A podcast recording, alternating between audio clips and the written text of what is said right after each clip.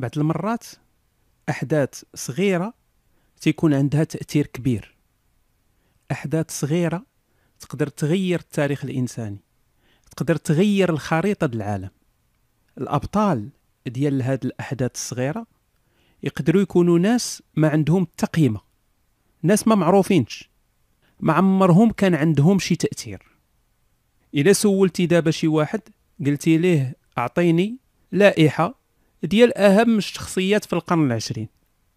شخصيات اللي جعلت العالم يكون بالشكل اللي هو عليه دابا. أكيد أن هاد اللائحة هادي غادي يكونوا فيها سميات ديال ناس مشهورين معروفين.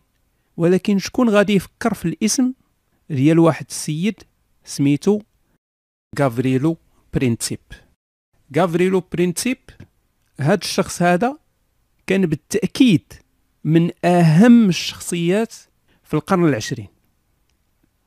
غافريلو برينسيب هو اللي تسبب في الحرب العالمية الأولى وبالتالي هو المسؤول كذلك على الحرب العالمية الثانية. هذا الإنسان هذا بلا به كان العالم ديالنا اليوم غادي يكون مختلف تماما. ولكن غير باش نكونوا عادلين مع خونا غافريلو إلا رجعنا في الوقت ومشينا عنده قبل ما يدير الفعلة ديالو. ووريناه النتائج ديالها. أنا متأكد أنه غادي يتشوك غادي يتصدم.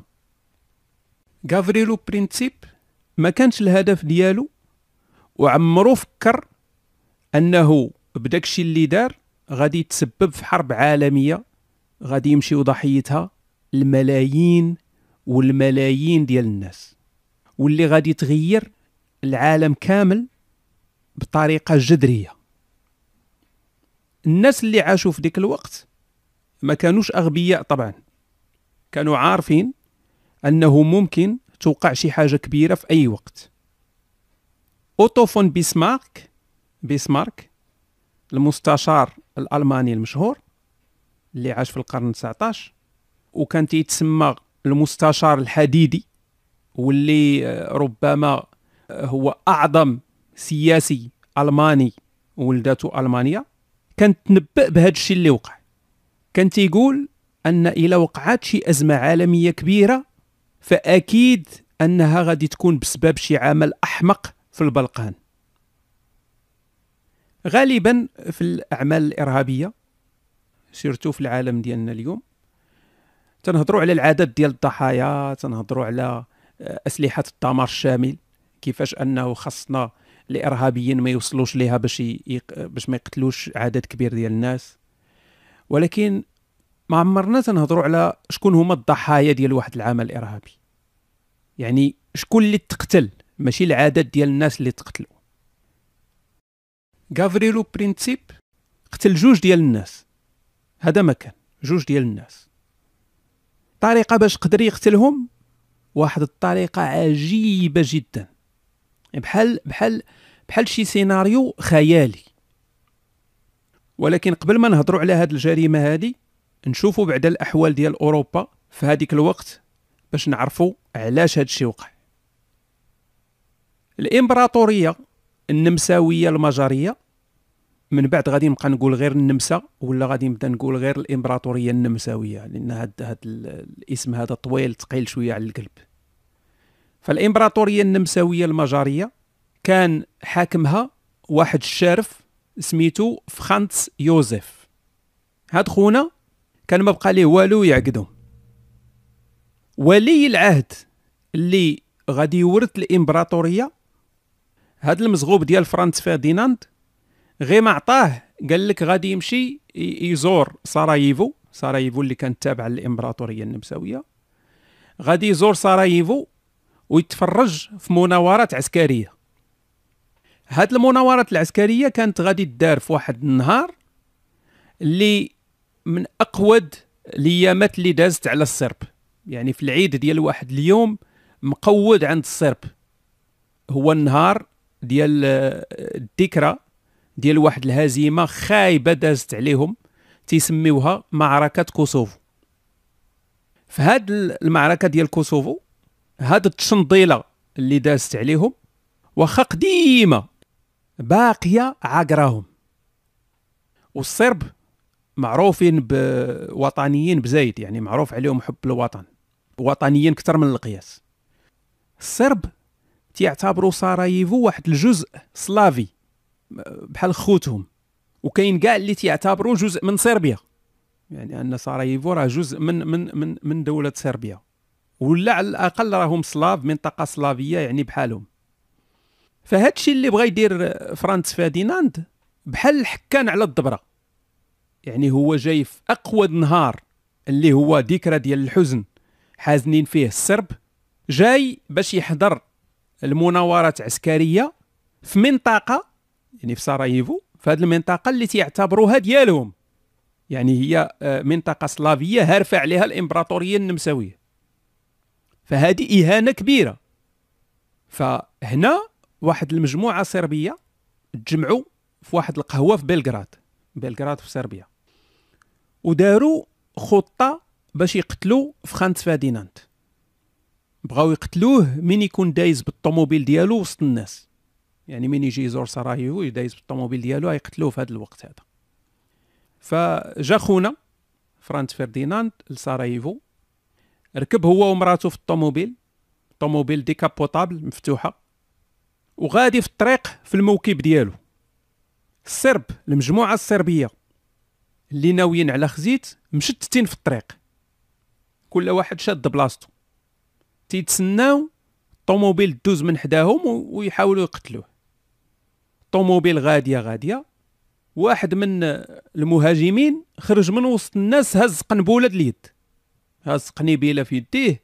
لاحا على فرانس فرديناند فرانس فرديناند شاف القنبوله جاية في السما جهته حضر راسو وتخبى مور الباب ديال الطوموبيل. القنبوله ضربات في الكادر ديال الطوموبيل طاحت في الأرض ما تفرقعاتش تم تم تاجات واحد الطوموبيلة موراهم. مورا الطوموبيل ديال فرانس فرديناند دازت على القنبوله وهي تفرقع فمن تفرقعات القنبوله الروينة ناضت بزاف ديال الناس تشرحوا الدمايات. آه خونا اللي لاح القنبوله داك السربي اللي لاح القنبوله سرط كينة ديال الانتحار. واحد الكينة تي تيصوبوها من السيانوغ فكلاها زعما باش باش ينتحر. مشى تيجري تيجري تيجري نقز لاح راسو في واحد الواد. ولكن الزهر ديال هاد مول القنبوله هذا عوج. الكينة اللي اللي كلا اللي المفروض أنها تقتلو طلعت كينة مدرحة. ما كانتش كينة حقيقية. فما ما قتلاتوش. والواد اللي تلاح فيه ما كانش غارق. يعني بقى م... بقى فوق الماء. فقرقبوا عليه البوليس. المهم دابا الحفلة تسالات اللي مضروبين داوهم للسبيطار مول القنبوله شدوه. فرانس فيرديناند والطوموبيلات ديال الموكب كسيرة ومشاو. الخطة اذا تيبان أنها ما نجحتش. ولي العهد ديال الإمبراطورية تزقل بأعجوبة. فرديناند هو ومراته وصلوا للبلدية ديال سراييفو ولكن في عوض ما ما يكون ويبقى تما قال لك لا يمشي يزور الناس اللي تجرحت في السبيطار. وشوف شوف دابا البسالة. في عوض ما يلبدها ويجلس تزقل من الموت لا هو غادي دابا يزور الناس في السبيطار. واخا سيتي. فباش يديروا ليه؟ زعما واحد الحماية واحد ال protection ال chauffeur ديال الطوموبيل داز من ما داش من الطريق العادية اللي تدي للسبيطار داز من واحد الطريق أخرى. ولكن في الطريق الشيفور طبز لها العين. غلط في الطريق. فمن عرف راسو غلط في الطريق حبس الطوموبيل باش يدير demi-tour ويرجع. فين حبسات الطوموبيل؟ الطوموبيل حبسات قدام غافريلو برينسيب شوف على صدفه كي دايره فغافريلو برينسيب اللي كان واحد من هذه المجموعة الصربيه طبعا اللي اللي باغا تقتل تقتل فرانس فرديناند اللي كان في ذاك الوقت بطبيعة الحال تيظن بأن القضية فشلات كل شيء يعرف بأن الخطة فشلات. فلقى راسو واقف الطوموبيله حابسة قدامه ديال فرانس فرديناند هو ومراته. دجاجه بكمونة يعني محطوط قدامه كل شيء خصو غير يتيري. الحماق الحماق. غافريلو برينسيب يعني براسو من شاف داك الديكور ما فهم والو. يعني نقدروا نقدروا نشبوها بمثال مثلا بحال إلا كنتي غادي تسرق شي بنكة وما وما صدقاتش الدعوة. يعني غادي أنت واحد الجماعة مع واحد الجماعة. عصابه باش تسرقوا واحد البنكة ما صدقاتش الدعوة. صحابك تشدوا شدوهم البوليس وانت وانت علقتي سلكتي. ساعة من بعد يعني ساعة من بعد هذا الشيء هذا لقيتي الفلوس ديال البنكة كاملين قدام رجليك. هادشي اللي وقع. غافريلو برينسيب ماشي من العاكزين جبد الفردي وتكا على فرانس فرديناند هو ومراته قتلهم بجوج. اللي كانت هذه من أغرب الصدف اللي وقعات في التاريخ ديال الإنسانية. داك السيد اللي كان راكب معاهم في الطوموبيل تيعاود على اللحظات الحزينة ديال فرانس فرديناند من كان تيموت والدمايات تتشرشر من فمه. كان تيموت وتيرغب مراته باش ما تموتش. تيقول لها ما تموتيش على ود الوليدات ديالنا. ما تموتيش باش ما يبقاوش ولادنا بلا أم وبلا أب. غافريلو برينسيب بالنسبة لأغلب الناس دار واحد العمل إرهابي اللي العواقب ديالو كانت كارثية على العالم. ولكن بالنسبة للصرب غافريلو برينسيب تيتعتبر بطل الحرية. هو البطل اللي بدا المسلسل ديال استقلال هاد المناطق السلافية من الإمبراطوريات اللي استعمرتها. كانت الإمبراطورية العثمانية مستعمرة هاد المناطق ومن بعد خداتهم الإمبراطورية النمساوية. بالنسبة للإمبراطورية النمساوية الاغتيال ديال ولي العهد عمل إرهابي. طبعا واحد العمل إرهابي واللي مسؤول عليه هما الصرب. اللي مسؤول عليه هي صربيا. ما, ما تيهمش واش آه، الدولة الصربية كانت مسؤولة فعلا ولا لا. يعني ما تيهمش واش داك الشيء جاي من الريوس الكبار ديال البلاد؟ هي déjà déjà صربيا كانت دايرة الشقيقة الإمبراطورية النمساوية. صربيا كانت آه، بحال بحال ال cancer بالنسبة بالنسبة للإمبراطورية النمساوية. ديما تتعاون مع الإنفصاليين في المناطق السلافية ديما تتضامن معاهم. ودابا تصور أن هاد دبانه الحمار هادي هاد صربيا هادي تكملها وتجملها بالقتل ديال ولي العهد ديال الإمبراطورية. فالنمساويين غادي يجهلوا. نورمال يعني تصور مثلا آه، موريتانيا غير مثال موريتانيا تكون تتساند الانفصاليين في في المناطق الجنوبية في المغرب وديما تتسبب في الفوضى وتهديد ديال الأمن الداخلي. وتجي من الفوق تقتل ولي العهد ديال المغرب. كيفاش غادي تكون ال réaction ديال المغرب؟ كيفاش غادي تكون ال réaction ديال المغرب اللي هو déjà كاعي بالبيان على موريتانيا قبل ما يتقتل هاد ولي العهد. هكا كانت الحالة ديال الإمبراطورية النمساوية مع صربيا.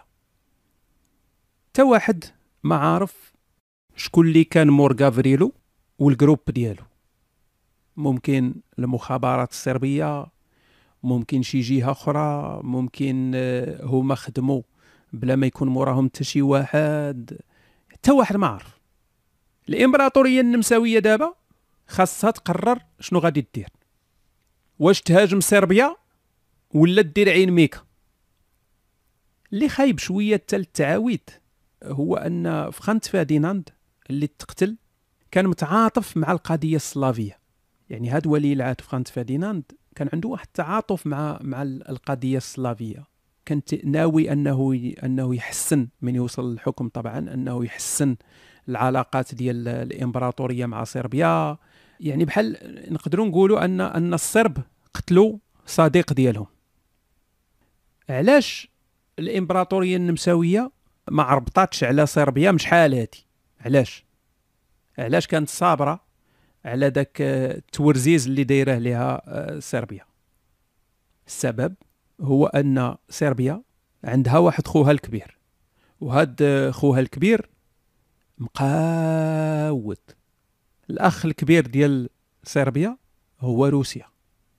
فروسيا تتعتبر راسها الحامي الرسمي ديال الشعوب السلافيه حاربتي صربيا غتجبد على راسك النحل الروسي. حرب مع صربيا يعني حرب مع روسيا. أوروبا في هذا الوقت هذا كان فيها واحد ال système ديال التحالفات معقد ومعقد بالعاني معقد باش يحافظ على السلم في أوروبا. العقل المدبر المايسترو ديال هاد العلاقات الدبلوماسية المريقلة اللي كانت بين الدول الأوروبية هو النابغة بيسمارك. بيسمارك كان واحد الداهية. والذكاء ديال ديال بيسمارك باقي تيتقرى اليوم في الجامعات. كان واعر السيد كان واعر بالبيان يعني نستعرفوا به. ما خصناش ننساو أن شحال هادي ماشي بحال اليوم عندنا قوة عالمية وحدة ولا جوج شحال هادي كانوا على الأقل خمسة ديال القوة كبيرة في أوروبا. كانت عندنا بريطانيا كانت عندنا فرنسا كانت عندنا ألمانيا كانت عندنا النمسا والمجار الإمبراطورية النمساوية المجارية وعندنا روسيا. وكاين اللي تيزيد حتى بين هاد الدول هادي كانوا معاهدات معقدة كما قلنا معقدة بزاف. وهاد هاد التعقيد هذا ساهم في السلم أن يبقى السلم ما بين الدول الأوروبية وعاون كذلك ألمانيا من جهة أخرى أنها استفدت منه بزاف. بيسمارك ما كانش تيضرب غير على على أنه يحافظ على السلم في أوروبا كان تيضرب على حتى المصالح ديال ألمانيا طبعا. بيسمارك من كان هو المسؤول على العلاقات الدبلوماسية كان شاد داك الشيء مزيان. ولكن في 1914 اللي غادي يوقعوا فيها هاد المشاكل هادو كان بيسمارك مشى في حاله والناس اللي عوضوا بيسمارك ما يوصلوش حتى لضفار رجليه. السؤال دابا علاش ما دخلاتش النمسا لصربيا مباشرة؟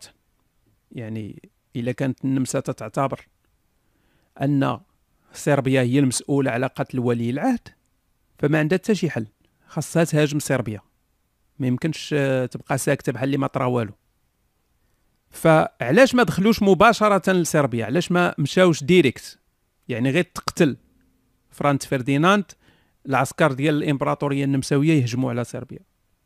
حيت النمسا خاصهم يتشاوروا مع خوهم الكبير. تا هما. تا النمسا عندها خوها الكبير. الأخ الكبير ديال النمسا هو الإمبراطورية الألمانية. الإمبراطورية الألمانية في هذا الوقت كانت مازال واحد الإمبراطورية جديدة. يلا قالت بسم الله في الساحة.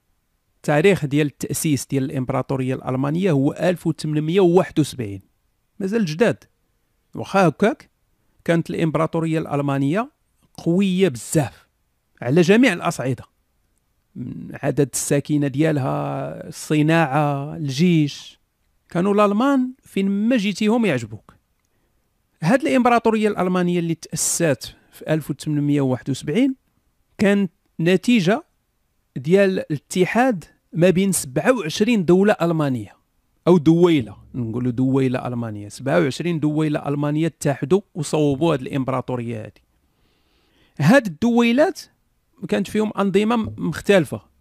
يعني كاين كانوا فيهم ممالك بحال مملكة بروسيا اللي معروفة ومشهورة بحال مملكة بافاريا مملكة ساكسونيا.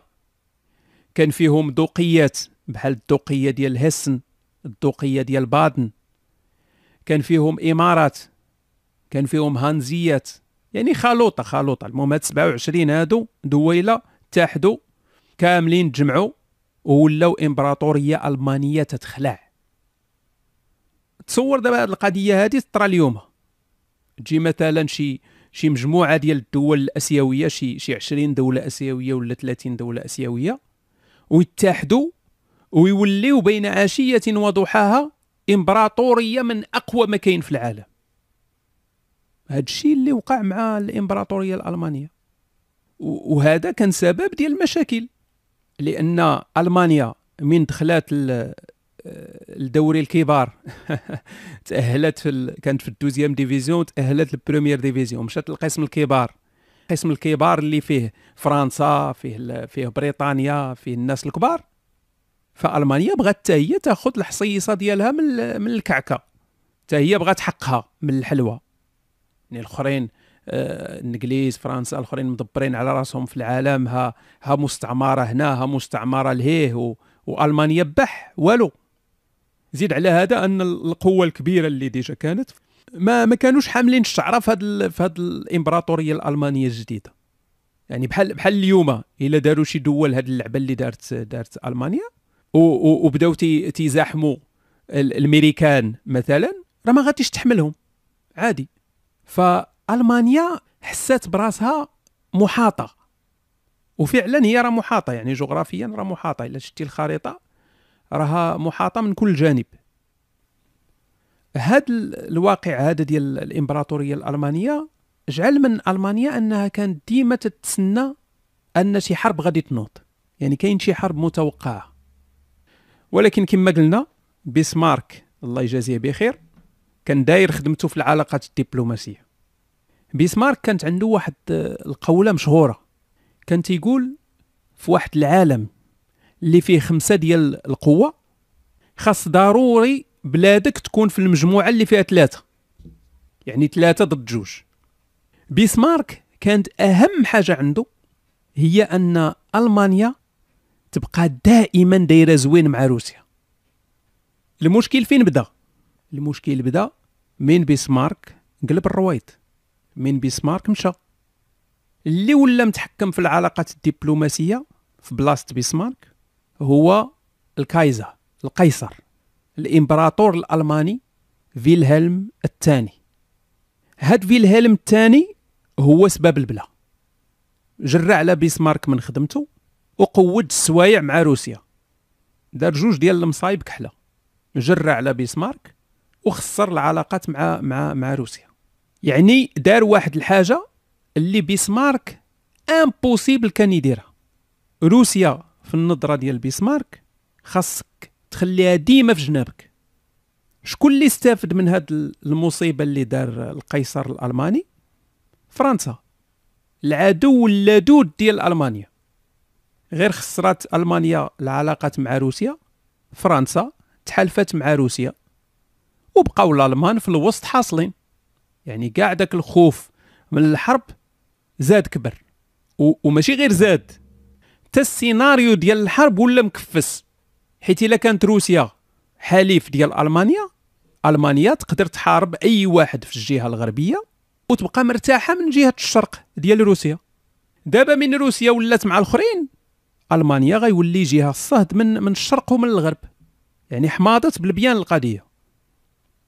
من بعد هذه الإطلالة السريعة على ألمانيا وعلى الأحوال اللي كانت في أوروبا نرجعوا للروينة اللي دار خونا غافريلو اللي قتل فرانس فرديناند في سراييفو. قلنا بأن دابا النمسا خاصها تشاور مع ألمانيا.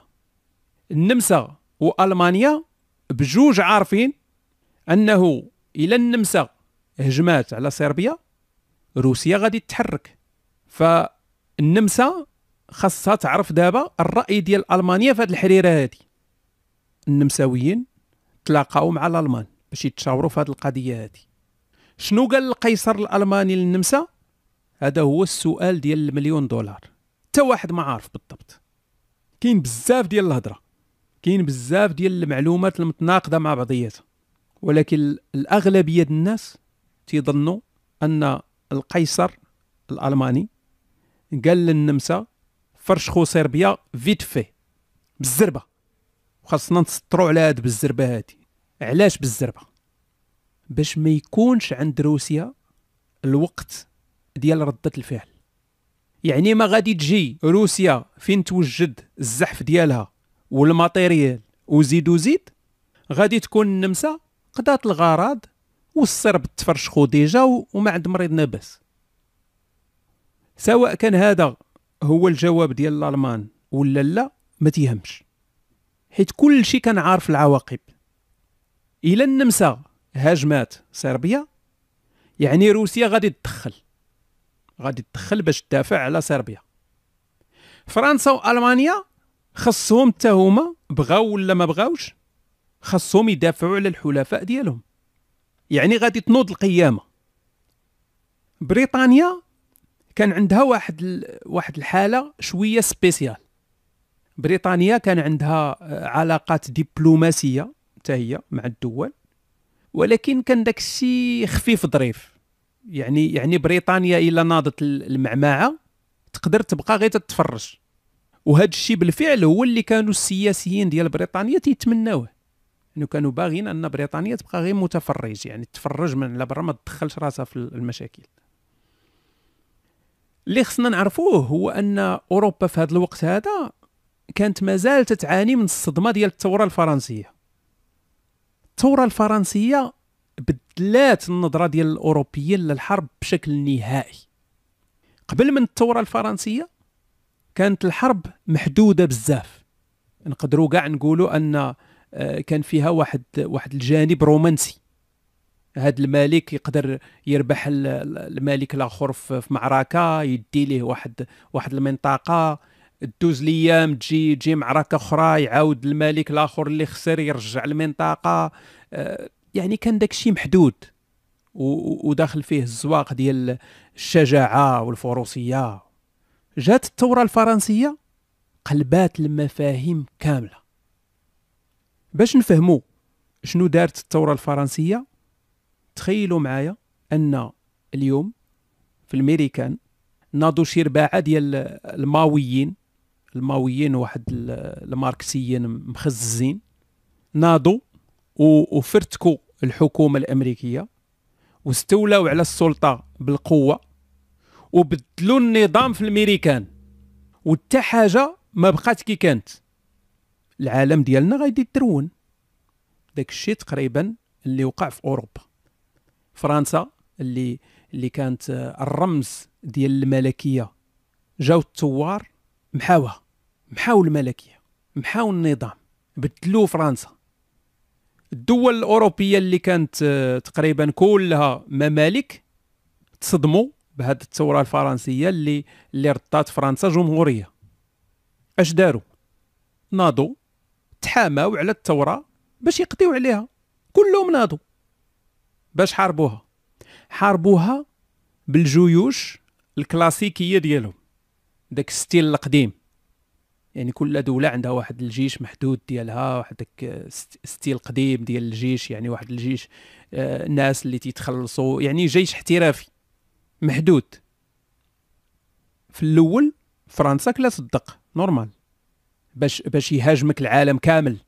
وانت يلا قلتي بسم الله ماشي سهلة. ولكن فرنسا دارت واحد الحاجة اللي غادي تغير الشكل ديال الحروب في أوروبا. غتغيرو. فرنسا ولات تتحارب بالشعب كامل. الشباب كلهم تيحاربوا الرجال اللي مجوجين اللي عندهم عائلات تيصوبوا السلاح وتيديروا الترونسبور. العيالات تيصوبوا الخيام والحوايج وتيعاونوا في السبيطارات. البنايات العامة ولات تكانات عسكرية. الساحات العامة ولات مصانع ديال السلاح. أي سلاح كما كان النوع ديالو. والعودانات كلهم اللي ما خدامينش في الفلاحة تعطاو للقوات الشعبية. هاد القضية هادي اللي دارت فرنسا فاجأت العالم. كما قلنا الدول اللي تتحارب فرنسا كانت ممالك. عندها جيوش آه، privé عندها واحد الجيش privé واحد الجيوش خاصة بحال دايرين بحال المرتزقة.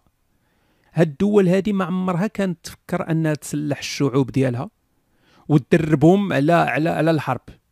بالعكس هاد الجيوش هادي كانت تستعملهم هاد الممالك هادي. الملوك كانوا تيستعملوهم ضد الشعوب ديالهم. يعني من من الشعب تيدير شي بلبله ولا هادي الجيش تيدخل باش يحافظ على الملكية. لكن النظام الجديد ديال فرنسا ماشي بحال النظام ديال هاد الدول. النظام ديال فرنسا كان الأساس ديالو هو الشعب ماشي الملك. الملك طيروه. النتيجة هو أن فرنسا كل الأفراد ديالها دخلوا للحرب. يعني واحد العدد ديال الجيش الفرنسي ديال هاد القوات الشعبية ديال هاد الجيش الشعبي الفرنسي تيخلع. زيد على هذا أن هاد الناس هادو ماشي بالضرورة تخلصهم. من تيكون الشعب كله تيحارب ماشي ضروري تخلصهم. كما تتخلص واحد الجيش بريفي واحد الجيش ديال المرتزقة خاصك تخلصو باش يحارب من أجلك. يعني فرنسا كانت احتاجيتي آه، ألف هنا احتاجيتي خمسين ألف هنا احتاجيتي مئة ألف هنا. دفع. موجود موجود الناس. هاد الشيء ما عمر أوروبا شافته من قبل. في القديم ألكسندر الأكبر قدر يسيطر على جزء كبير من العالم بواحد الجيش العدد ديالو ما بين 40 ألف و 90 ألف. تصور كون كان عند ألكسندر جيش فيه ثلاثة المليون. بطبيعة الحال ماشي كاع الفرنسيين عندهم مؤهلات ديال ديال عسكر محترفين. ولكن كما تنقولوا الحمية تتغلب السبع. شحال ما كان عندك المرتزقة إلا كانوا هما 10000 وعندك تيحاربوا ثلاثة المليون راه باينة غادي يخسروا دوك ال 10000 واخا يكونوا أحسن عسكر في العالم. نابليون اللي ورث هذا الجيش الشعبي ديال فرنسا من بعد عنده واحد المقولة مشهورة كان قالها الكونت النمساوي ميترنيش. كان قال ليه ما تقدروش تغلبوني ما تقدروش تغلبوني. أنا تنضحي ب ألف عسكري في الشهر. أي دولة أوروبية أخرى باستثناء آه، ربما روسيا الا خسرات 30 ألف عسكري في الشهر غتكون كارثة عليها. بالنسبة لفرنسا 30 ألف في الشهر كانت حاجة normale ما, طرا والو عادي. فباش الدول الأخرى تقدر تحارب فرنسا شنو خاصها دير خاصها دير بحال فرنسا. مملكة بروسيا الألمانية. حنا دابا تنهضروا على الوقت مازال ما كايناش إمبراطورية الألمانية. قديم شوية هادشي هذا قبل. يعني هاي كيفاش الثورة الفرنسية غيرت. فمملكة بروسيا في الألمانية في ذاك الوقت كانت حاربات نابليون ونابليون فرشخها. ناض واحد المارشال ألماني آه، في ذيك الوقت سميتو فون بلوشا. قال الحكومة ديال بروسيا بغيت بحال نابليون أعطيوني جيش أعطيوني جيش ديال الشعب أنا بغيت الجيش ديال الشعب أعطيوني. الحكومة ديال بروسيا ما كانتش آه، باغا تسلح الشعب طبعا. كما قلنا الممالك الأوروبية ما كانتش باغا تسلح الشعب ديالها ما كانتش باغا واحد الجيش الشعبي ولكن ما كان عندهم حتى حل فبمجرد أنهم وافقوا على الطلب ديال هاد المارشال هذا فون بلوشا ولا الجيش ديال بروسيا مضوبل على ثلاثة المرات. فهنا قدرات بروسيا أنها تدخل في معارك ويكون عندها آه، حظوظ ضد نابليون. باش نلخصوا أهم الحوايج اللي بدلاتها الثورة الفرنسية أول حاجة الحياة ديال الإنسان ولات رخيصه الا عندك جيش فيه مليون عسكري واخا يموتوا الآلاف هانية. حيت الحياة ديال العسكر ولات رخيصة الحروب ولات طويلة. شحال هادي كانت الحروب غالبا عبارة على معركة كبيرة في النهار يعني في نهار واحد تتكون معركة كبيرة وسالينا صافي. يعني اللي ربح ربح اللي خسر خسر. حيت الدول ما كانتش تقدر تحمل دوك الخسائر. ولكن بسبب الثورة الفرنسية وهاد الجيوش الشعبية اللي ولات ولات الدول تتقدر تحمل آه، خسائر كبيرة وتكمل الحرب. النتيجة هذا الشيء كامل هو طبعا المعاناة الإنسانية حيث الحروب كل ما طولت كل ما ماتوا ناس وزادوا العاهات وزاد الجوع وزادوا الأمراض و... الحرب ماشي شي حاجة زوينة وكل ما طولت كل ما تتكفس على الإنسانية. شنو كان ناقص باش باش تكمل هذه المصيبة الكحلة؟ كانوا ناقصين جوج حوايج. اولا ناقصة التكنولوجيا. التكنولوجيا اللي غادي تصنع بها آه، آلات وأسلحة فتاكة اللي تقدر تضاعف بها العدد ديال القتلى وديال وديال الدمار. هذه التكنولوجيا بدات الخطوات ديالها الأولى في هذا الوقت نيت. يعني في الوقت اللي من بعد الثورة الفرنسية وهذه البداية ديال هذا الجيش الشعبي هذا بدات الخطوات الأولى ديال التكنولوجيا. يعني من تما وهي غادية التكنولوجيا بواحد بواحد السرعة كبيرة في التطور. في 1914 كانت التكنولوجيا متوفرة كاينة ولكن بقات حاجة وحدة ناقصة وهي الحرب الشاملة. يعني اللي تتكون على واحد النطاق كبير باش تقدر تستعمل هذه التكنولوجيا هذه الحروب ديال نابليون كانت كثيره ولكن ما كانت محدودة. يعني ما كانت واحد الحرب شاملة في أوروبا. في هذا الوقت هذا بعد المقتل ديال آه، فرانس فرديناند التكنولوجيا متوفرة والبوادر ديال حرب شاملة بدأت تتبان. شنو بقى دابا؟ كل شيء واجد كل شيء مهيأ بقات واحد الحاجة مهمة كاع القوى العالمية تتفكر فيها. وهاد الحاجة هي اللي هضرنا عليها قبيلة من مشات النمسا باش تشاور مع الألمان وهي العامل ديال السرعة. السرعة هي أهم شيء. دولة اللي تقدر توجد الجيش ديالها. وهذا الجيش هذا يوصل لأرض المعركة بأكبر ماكينة عسكرية قبل من الجيش ديال الدولة الأخرى غادي يكون عنده افونتاج وكل ما سبقتي العدو لارض المعركة وجبتي معك العتاد وكنتي واجد تيكبر هاد لافونتاج هذا ديالك. الاغتيال ديال فرانس فادينانت كان بحال آه، عرفتو داك الفردي اللي تي تيعلن على بداية السباق؟ كان بحال هكاك. حتى الوقت باش تفكر ما كاينش.